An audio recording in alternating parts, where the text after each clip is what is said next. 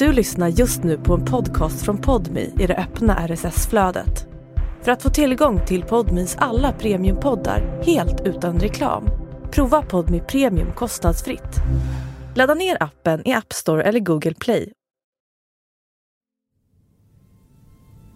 Alltså under den tiden så levde jag två liv.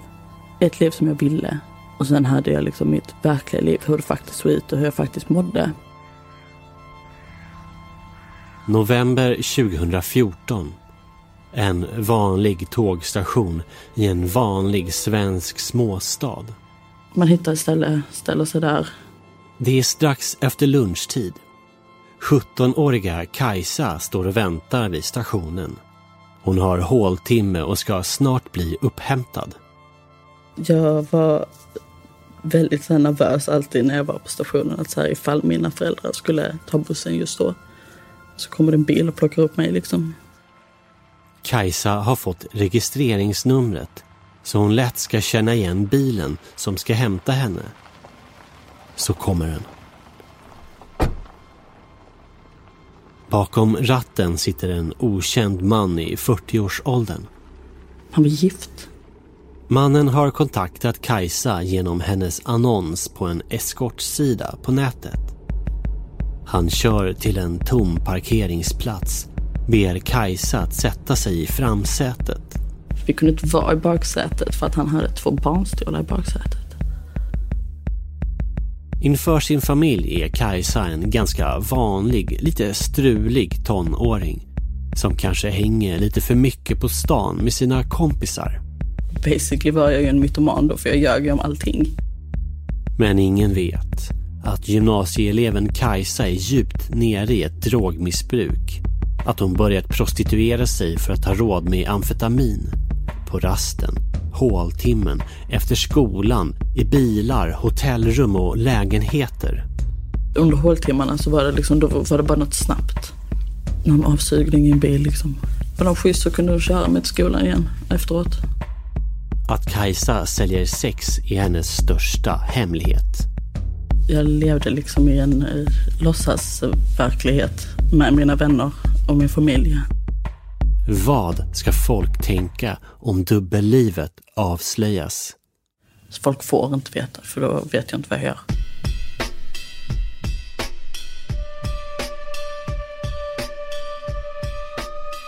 Från Banda för Podmi. Det här är Dubbelliv. Jag heter Hugo Lavett.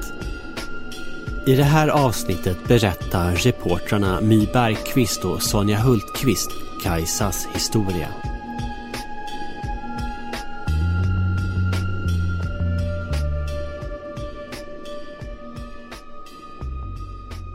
Alltså jag brukar inte beskriva mig själv som så här fruktansvärt töntig. Jag var väl alltså verkligen så jävla Svensson. I ett grönt hus i ett litet villaområde växer Kajsa upp med sina föräldrar och två syskon. Det är en så jävla tråkig vanlig familj. Alla har lite ADHD typ. Jag, min lilla syster och min pappa är de som hörs mest. Medan jag, min bror och min mamma de sitter bredvid och bara ja, ja, gör vad fan ni vill. Kajsa har en äldre bror och en yngre syster. Själv befinner hon sig mitt emellan och kämpar för att bli sedd. En töntig liten unge som är mellanbarn och försöker ha väldigt mycket uppmärksamhet. För eh, det får man inte som mellanbarn. Men när Kajsa går i sexan händer något som kommer förändra hennes roll i familjen. Vi skulle på spökvandring. Klassen är på spökvandring när Kajsa börjar höra röster inne i huvudet. Och så min mamma fick ju hämta mig från skolan för att jag typ satt i ett hörn och bara hade någon som ska döda mig eller vad fuck som helst. Hon har fått sin första psykos och de kommer att bli fler. Nu riktas familjens uppmärksamhet mot Kajsa. De oroar sig för att hon inte mår bra. Kajsa får börja gå till en psykolog. Under vårterminen i sjuan träffar Kajsa en äldre kille. Han var ju 18-19 och jag var 14. Han hämtade mig från skolan. Ibland så kom jag till honom innan jag åkte till skolan. Och sen körde han mig till skolan. Från att ha varit en lite udda person i klassen med psykiska problem blir Kajsa en cool typ med äldre pojkvän. Och först var det liksom så här bara, oj jag dejtar en äldre kille, nu är jag inte så jävla töntig längre. Hon är kär och lyckligt ovetande om att relationen ska tvinga henne in i ett dubbelliv. Men efter några månader börjar Kajsa märka att pojkvännen förändras. Jag fick inte göra vissa saker. Um, jag skulle vara med honom hela tiden och han ville att jag skulle bo ihop med honom i en liten stuga. Och jag var där väldigt, väldigt ofta. Kajsa upplever hur pojkvännen gradvis blir en annan person ju närmare de kommer varann. Han blir allt mer kontrollerande. Kajsa har nyss fyllt 15 och vet inte riktigt var gränsen går. Så jag hade ingen aning om hur ett förhållande skulle se ut. Eh, jag hade bara sett mina föräldrar eh, och liksom kompisar. En kväll är Kajsa och pojkvännen hemma i hans stuga. Det var väl ett halvår in i förhållandet tror jag. Jag sitter på sängkanten och han slår mig i ansiktet. Och lägger sig i mitt knä och gråter och jag är tvungen att trösta honom när jag blöder i hela mitt ansikte. Eh, och att jag inte kunde röka för att jag kunde inte öppna munnen. Nu drar en berg och dalbana av psykisk och fysisk misshandel igång. Pojkvännen är som en jojo. Ena sekunden snäll och omtänksam. Nästa kontrollerande och våldsam. Första slaget föll snabbt av fler. Och jag kunde ju komma till skolan liksom så här efter jag precis hade fått skitmycket stryk. Och försöka vara som en helt vanlig 15-åring liksom. Och inte prata med någon om vad som hade hänt liksom. Kajsa skriver matteprov, blåslagen. Döljer blåmärken i omklädningsrummet. Hon vill absolut inte att någon ska förstå vad som pågår. Och det, var det, alltså det är lite där mitt dubbelliv började tror jag. För att det var att jag var tvungen att dölja hela vad som hände bakom stängda dörrar liksom. Kajsas dubbelliv är igång. Varannan vecka går hon till en psykolog för att få hjälp med sina psykoser. Till psykologen säger hon inte ett ord om vad pojkvännen utsätter henne för. Alltså jag la ju mest fokus på min alltså, psykosproblematik. Så det var det jag pratade om honom. För det var det jag tyckte var jobbigt och jag ville bli av med. Det var därför jag gick dit liksom.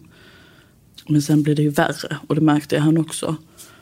Och då ville han veta varför det blev värre. Men jag vägrade ju ta det liksom med honom. Det är inte bara psykologen Kajsa ljuger för. Familjen undrar också hur hon mår. När de frågar svarar Kajsa bra och håller sig undan. Misstänkte du någonsin att eh, allt inte stod rätt till i deras förhållande? Inte alls. Det här är Kajsas tre år yngre lilla syster Klara. Systrarna delar rum hemma i det gröna huset. För Klara har hennes stora syster alltid varit en stark person. En man lyssnar på. Hon är politiskt engagerad, vill förändra samhället, går på möten och demonstrationer, står upp för vad hon tycker. Hon är alltså väldigt energisk. Och sen så öppnar hon munnen och är dels smart och påläst om det hon pratar om. Och alltså glad. Och hon har också en väldigt naturlig auktoritet. Alltså hon, folk lyssnar på henne. Alltså, säger hon till någonting så, så lyssnar man på henne och man tar henne på allvar. Så att hon, hon förde sig på ett väldigt proffsigt sätt. Alltså utåt med andra människor. Men lilla syster Klara märker att hennes stora syster förändras. Hon drar sig undan, har fått nya kompisar inne i stan och sover nästan aldrig hemma i våningssängen längre. Det var väldigt tydligt någonting som ändrades. Hon slutade ha långt blont hår och istället gick över till hårda sminkningar och mörkt hår och slitna jeans och alltså den typen. Lilla syster Klara förstår att Kajsa mår dåligt. Att stora syster börjat skära sig med rakblad ibland. Men Klara utgår ifrån att det bara har med psykoserna att göra. Alltså jag har alltid vetat att hennes dåliga mående var allvarligt. Under tiden då när hon började må riktigt dåligt, då berättade hon till exempel att hon hade hört röster och alltså sådana saker. Och det var liksom så naturligt för mig att min syster var deprimerad. Samtidigt som förhållandet med pojkvännen blir allt mer destruktivt blir Kajsa mer isolerad. Hon upplever det som ett helvete men vågar eller orkar inte bryta sig loss. Gränserna för vad som är okej har suddats ut. Pojkvännen misshandlar henne fysiskt och psykiskt, har sex med Kajsa mot hennes vilja och Kajsa tar på sig skulden. För i mitt huvud var det fortfarande, det var mitt fel. Det var, jag var jobbig, jag förtjänade det. Um, för att det var liksom det han hade präntat in i mitt huvud. När de varit tillsammans i snart två år känner Kajsa att hon inte står ut längre. Hon funderar över sina alternativ. Antingen så lever jag kvar så här eller så gör jag slut med honom och låter han slå ihjäl mig. Kajsa tänker att om hon gör slut kommer pojkvännen döda henne. Det är vägen ut. Det var ju det enda jag hade fått höra under de här två åren. Antingen så är jag med honom eller så är jag död. Det blir valborgsmässoafton. Kajsa och pojkvännen sitter i hans bil. Och jag hade förberett mig i så många månader på att orka säga till honom att jag inte vill mer. Jag pallar inte detta. Eh, jag kan inte vara med dig längre. Och han går ut. Tar stryptag på mig och lyfter upp mig. Och jag bara så här, okej. Okay. Nu har jag vunnit typ. Nu fick jag som jag ville. Men plötsligt släpper pojkvännen taget. Kör från platsen. Kvar står Kajsa, chockad och tom, med livet i behåll. När hon kommer hem till sin familj berättar hon att hon och pojkvännen gjort slut. Och att det var gemensamt beslut och att det är lugnt, allting var bra. Men hon säger inte ett ord om vad som hänt. Och sen så visste jag inte vad jag skulle göra. För jag, det var inte meningen att jag skulle leva. Det, I min plan så skulle jag inte leva nu. Kajsa är fullproppad med känslor hon inte orkar med. Hemligheter hon inte kan berätta för någon. Helst vill hon bara domna bort. Så jag eh, åkte in till stan och sa jag vill inte känna någonting. Vad har du? Genom sitt nya kompisgäng inne i stan vet hon att det är lätt att få tag på droger kring tågstationen. Och så fick jag amfetamin mot min 500 som jag hade rotat fram. Kajsa ska snart fylla 16. Hon har på sin höjd rökt gräs vid något enstaka tillfälle. Amfetamin är något helt annat. Alltså jag fastnade vid det som fan. Eh, jag kommer ihåg att när jag tog det så var det så här, detta kommer att vara ett problem för mig. För att jag kände liksom att bara detta, jag mår riktigt jävla bra av detta. Jag kan fungera som en vanlig människa eh, lite. Det går snabbt att bli beroende. Um, ja. Snart tar Kajsa amfetamin varje dag. Hon avslutar sin behandling hos psykologen. Hänger allt mer med kompisarna vid tågstationen i stan. Jag kände ingenting. Ehm, och när jag väl kände någonting så tog jag någonting för att jag inte skulle känna någonting. Ehm, och utåt var jag väl mer alltså en dryg tonåring som inte gjorde vad ens föräldrar sa riktigt. Eh, klampade runt på stan i för lite kläder. Eh, drack lite för mycket. Det har alltid varit så som jag minns det med Kajsa att det var väldigt upp och ner med hennes humör. Familjen och lilla syster Klara märker att Kajsa är labil Men de förstår inte vad det beror på. Hon försökte ju undvika att vara hemma så mycket som möjligt. Så att då när hon väl var hemma så var hon ju... Ja, det var ju oftast konflikt. Alltså hon snäsig, otrevlig. Um, konflikterna mellan henne och mina föräldrar tog väl ett större uttryck. Så att det var väl alltid relativt liksom, spänd stämning när det kom till just henne och vad hon gjorde om dagarna. Men pendla i humöret, det gör väl alla tonåringar? För lilla syster Klara är Kajsa fortfarande den coola, bråkiga stora systern som sällan syns till. Och Kajsa, hon anstränger sig för att familjen inte ska förstå hur fast hon är i missbruk. Att ljuga för familjen är inget stort problem. Kajsa är van vid att dölja saker. Det som däremot är svårt är hur hon ska få ihop pengar till drogerna. Barnbidraget som hon får varje månad räcker inte långt. En dag när hon är i desperat behov av pengar frågar hon en av sina langare om råd. Och den här snubben liksom kom bara med idén och sa nej men du kan suga av mig istället. Och jag bara så här, wow, ja. För jag, alltså jag hade behövt suga av mitt ex för att liksom få gå och käka eller ta en cigg. Så jag bara, kan jag, få, kan jag få amfetamin för detta liksom? Så det var inget speciellt för mig. Kajsa och langaren åker hem till hans lägenhet. Att han luktade riktigt äckligt, det kommer jag ihåg.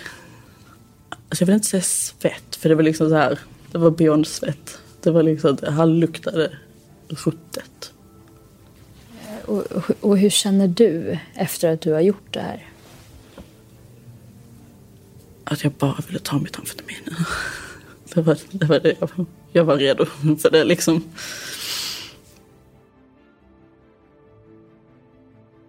Första gången följs av många fler. Kajsa frågar andra langare om hon kan betala för drogerna på annat sätt. Får du få knulla mig istället? Så får jag vad du... Eh, beroende på vad du gör liksom. Eh, och sen så bara blev det så. Eh, att jag betalade med sex istället för pengar liksom.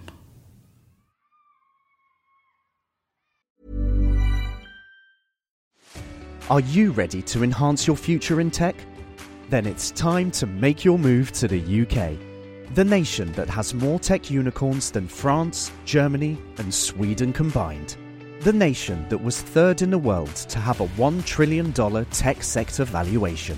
The nation where great talent comes together. Visit gov.uk forward slash great talent to see how you can work, live, and move to the UK. If you're looking for plump lips that last, you need to know about Juvederm lip fillers. With Juvederm Volbella XC and Juvederm Ultra XC, your lip look, whether it's subtle or bold, can last up to one full year with optimal treatment and no additional maintenance. Find a licensed specialist and see if it's right for you at juvederm.com today. That's J U V E D E R M.com. Add fullness to lips in adults over 21 with Juvederm Volbella XC or Juvederm Ultra XC. Do not use if you have severe allergies or a history of severe allergic reactions, or if you're allergic to lidocaine or the proteins used in Juvederm. Tell your doctor if you have a history of scarring or taking medicines that decrease the body's immune response or that can prolong bleeding. Common side effects include injection site redness, swelling, pain, tenderness, firmness, lumps, bumps, bruising, discoloration, or itching. As with all fillers, there's a rare risk of unintentional injection into a blood vessel, which can cause vision abnormalities, blindness, stroke, temporary scabs, or scarring. For full important safety information, visit juvederm.com. Kajsa börjar gymnasiet, väljer naturprogrammet. Hon gör en utredning hos BUP och får en ADHD-diagnos. Börjar ta medicin som ska förbättra hennes koncentration.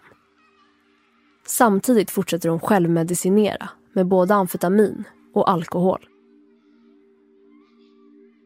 När föräldrarna, eller lilla syster Klara, frågar hur hon mår svarar Kajsa som vanligt att allt är lugnt. Men det familjen inte kan ana är att Kajsa lagt ut sin första annons på hennes skortsida på nätet. Ja, så internet var väl enklast för mig att ta kontakt med dem. När jag väl började liksom sälja på riktigt, om man säger så. I sin annons hittar Kajsa på ett alias. Hon skriver vilka tjänster hon erbjuder och vad de kostar. Men undviker att lägga ut en bild på sig själv. Just för att jag inte ville att någon skulle se att det var jag. Hon stämmer träff med den första mannen. Efter skolan tar Kajsa bussen in till torget i stan där de ska mötas. Det är oktober och blåser kallt medan Kajsa väntar på bilen. Jag var nog nervös. Men jag, samtidigt så jag kände inte jättemycket. Mannen som dyker upp ser ut att vara i 60-årsåldern. Vitt hår hade han. Själv har Kajsa nyss fyllt 17. Och sen så kör han mig hem till honom och vi gick upp på hans sovrum. Jag tänkte mig någon annanstans. Jag satt väl och badade någonstans i något hav eller något, jag vet inte. För jag älskar att bada och jag älskar havet och så här. Eh, så det var mycket att jag var någonstans och badade eller snorklade eller så här. Och sen så efteråt så ville han ligga kvar och liksom så här prata. Och han berättade om hans fru. Och jag liksom ligger där och bara, ja men du är ju dum i huvudet typ. När Kajsa tagit emot sin första kund via eskortsidan på nätet rullar det på. Flera gånger i veckan möter hon upp olika män som kontaktar henne. Samtidigt går hon i gymnasiet och kämpar för att få godkända betyg. Jag vaknar, tar mina mediciner. Och sen tar jag lite amfetamin och sen så sminkar jag mig. Innan jag går till bussen så fyller jag på en kolaburk med sprit. Så på väg till skolan så dricker jag. När jag slutade så åkte jag oftast tåget tillbaka till stan och sen så antingen så gick jag inom stan och träffade polare eller så drog jag direkt till en eh, så här, upphämtningsplats på stationen. Missbruket blir allt tyngre. Kajsa säljer sex under håltimmar på raster efter skolan. Jag skulle säga minst sex gånger i veckan. Träffade jag någon. Hemma i det gröna huset med familjen är det ingen som anar vad Kajsa håller på med. Så som vi tittade på det hemma så var det oftast mest bara så att vi blev lite förvirrade. Vi blev förvirrade över varför hon liksom skulle vara på stan hela dagen. Och vi visste aldrig riktigt vad hon gjorde.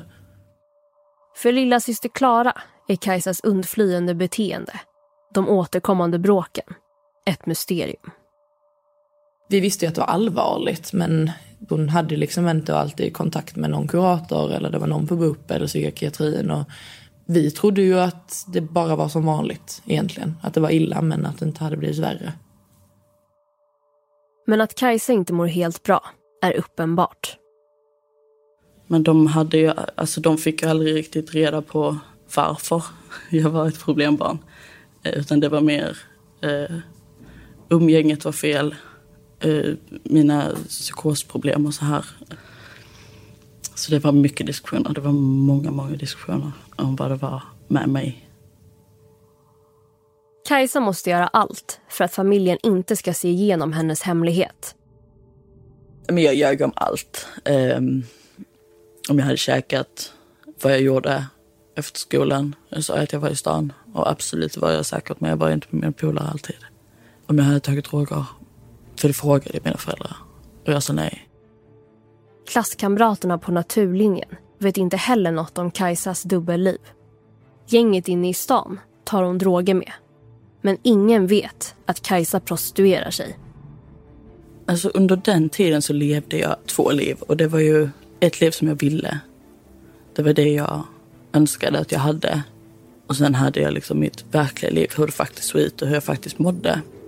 Och ifall jag nu skulle berätta för allihopa så kastade jag ju bort min liksom, drömverklighet. Den verkligheten som jag ville skulle vara sann och som jag kämpade så jävla hårt för att liksom, upprätthålla. Då var det ju att hela mitt liv stod på spel. Att liksom, jag kan inte... Folk får inte veta för då vet jag inte vad jag gör.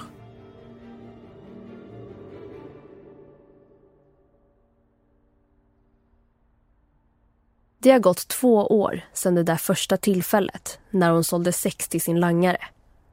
Kajsa har fyllt 18 och går sista året på gymnasiet. Det känns som att hon är på väg mot botten och hon tar allt större risker. Det är få gånger jag har varit rädd. Även om jag borde ha varit rädd många gånger så är det få gånger jag har varit rädd. En kylig vårkväll 2015 har Kajsa stämt träff med en okänd man. Det var på ett hotell. Hon tar tåget till en annan stad. Går till hotellet där de kommit överens om att mötas. Det var någon rik snubbe som bodde i någon av de här jävla... Alltså, jag kommer verkligen inte ihåg om det var Norrköping, Jönköping, det är Norrköping. De låter likadant för mig allihopa. Kajsa och mannen har chattat innan. Och mannen har beställt de tjänster han vill ha. Och han ville egentligen bara ha en eh, avsugning.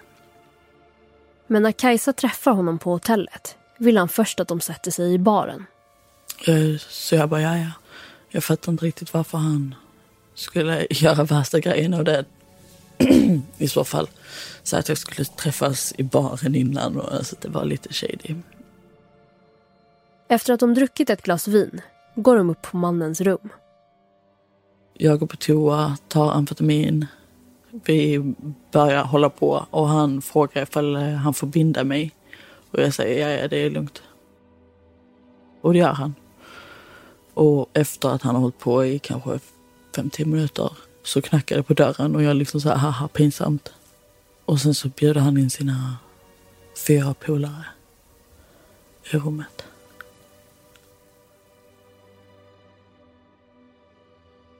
Plötsligt ligger Kajsa med fastbundna armar i sängen och kan inte ta sig loss. Hon är rädd. Under natten tänker hon om och om igen att hon bara vill dö. Till slut däckar hon av drogerna hon tagit. När hon vaknar upp nästa morgon är hon fortfarande fastbunden. Männen är borta. Så knackar det på dörren igen så kommer städerskan och ska städa eh, och där ligger jag eh, naken och helt väck.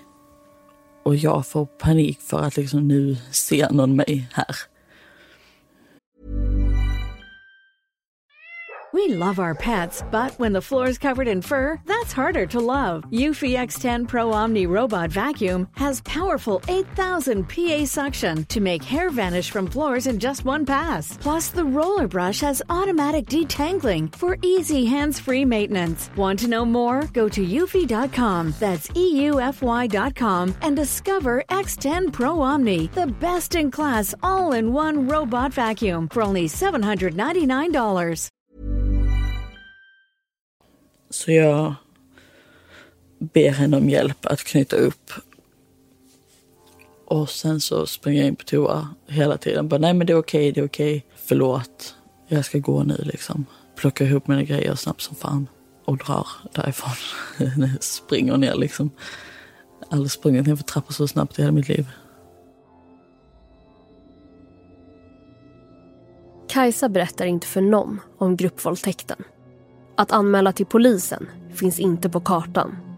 Då skulle ju hennes familj få reda på att hon prostituerar sig. Men sen var det också det här att kommer folk tro på mig? Kommer de tro att jag hittar på allting? För det har gått så många år nu så varför skulle jag komma ut med det nu liksom? Kajsa sjunker djupare och djupare ner i depression. Vid ett tillfälle självskadar hon så allvarligt att hon är nära att förblöda. Jag ville väl leva som en normal person. Och jag såg ju runt mig hela tiden att det var inte normalt att leva med droger och prostitution. Det låter så jävla dumt men jag ville liksom inte sticka ut så. Jag ville bara kunna vara som mina polare och inte ha ett jävla traumabagage och behög runt mig hela tiden. Jag ville bara bo i min lilla fantasivärld där inget av det hade hänt.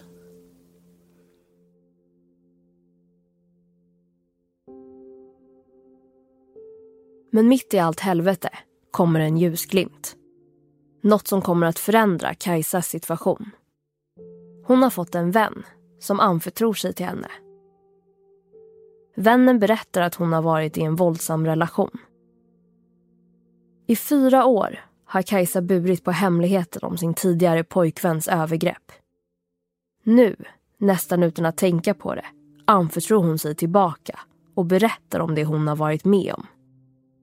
När Kajsa väl vågat öppna upp tipsar hennes vän om en gruppterapi för kvinnor som varit utsatta för våld. Och Kajsa bestämmer sig för att gå dit. Och det var en helt fantastisk grupp och jag hade så mycket tillit till de här kvinnorna som höll det och tjejerna som var där.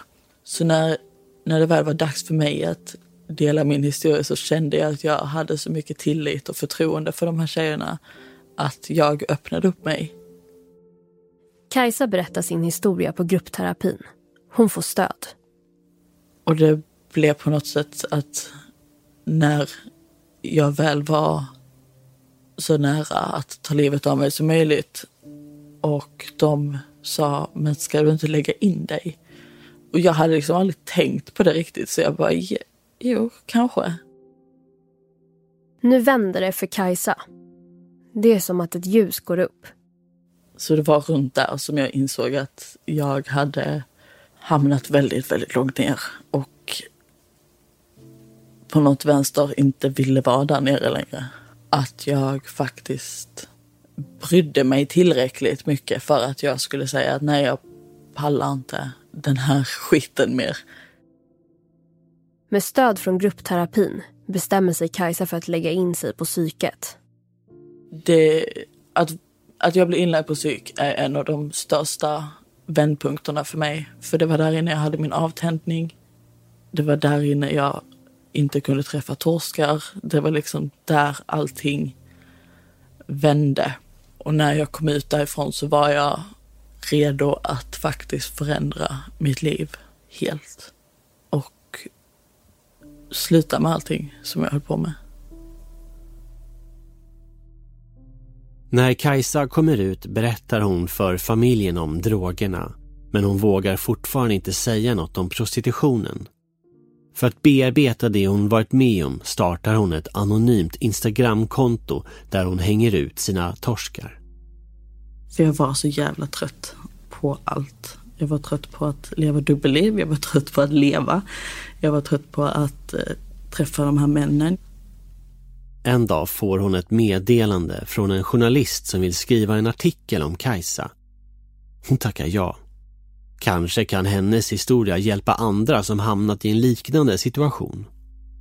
Inför att artikeln ska släppas inser Kajsa att hon måste riva av plåstret, berätta för sin familj.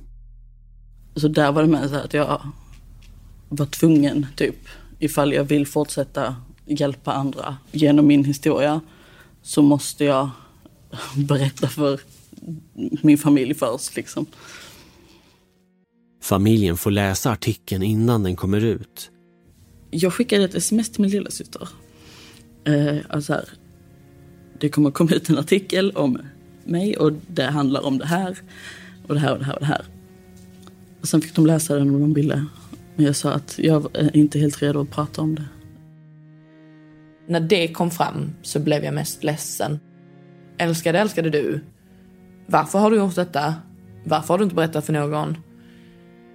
Nu får lilla syster Klara reda på vad det är Kajsa smusslat och smugit med under flera år. Är min syster en hora? Alltså så här, det, det, bara liksom så här fulheten i det ordet och fulheten i vad det innebar och att man också visste att det här rör sig inte riktigt om någon lyxig eskortfirma utan detta är ju äckliga män. Um, men jag skämdes mycket av den delen att så här,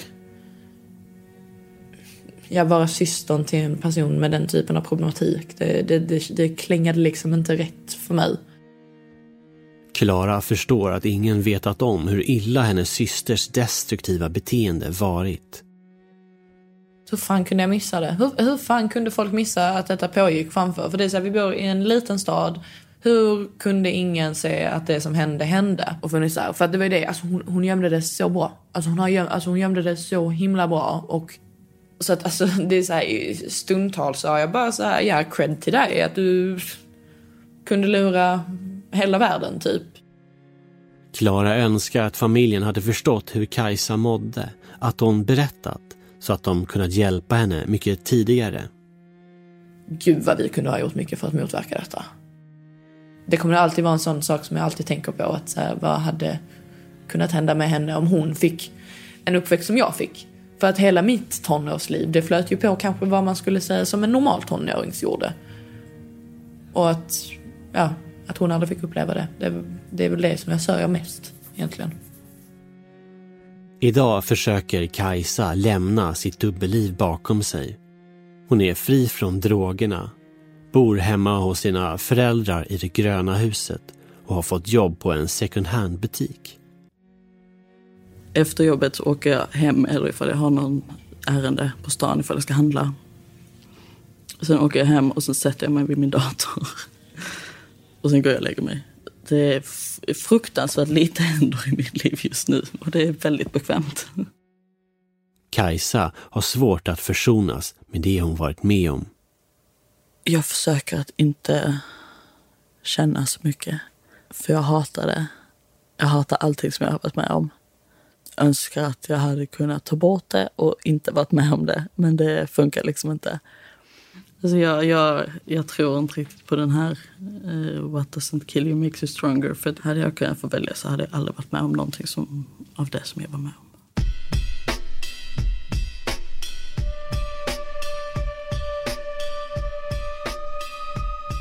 Du har lyssnat på Dubbelliv, en podd produktion från Banda.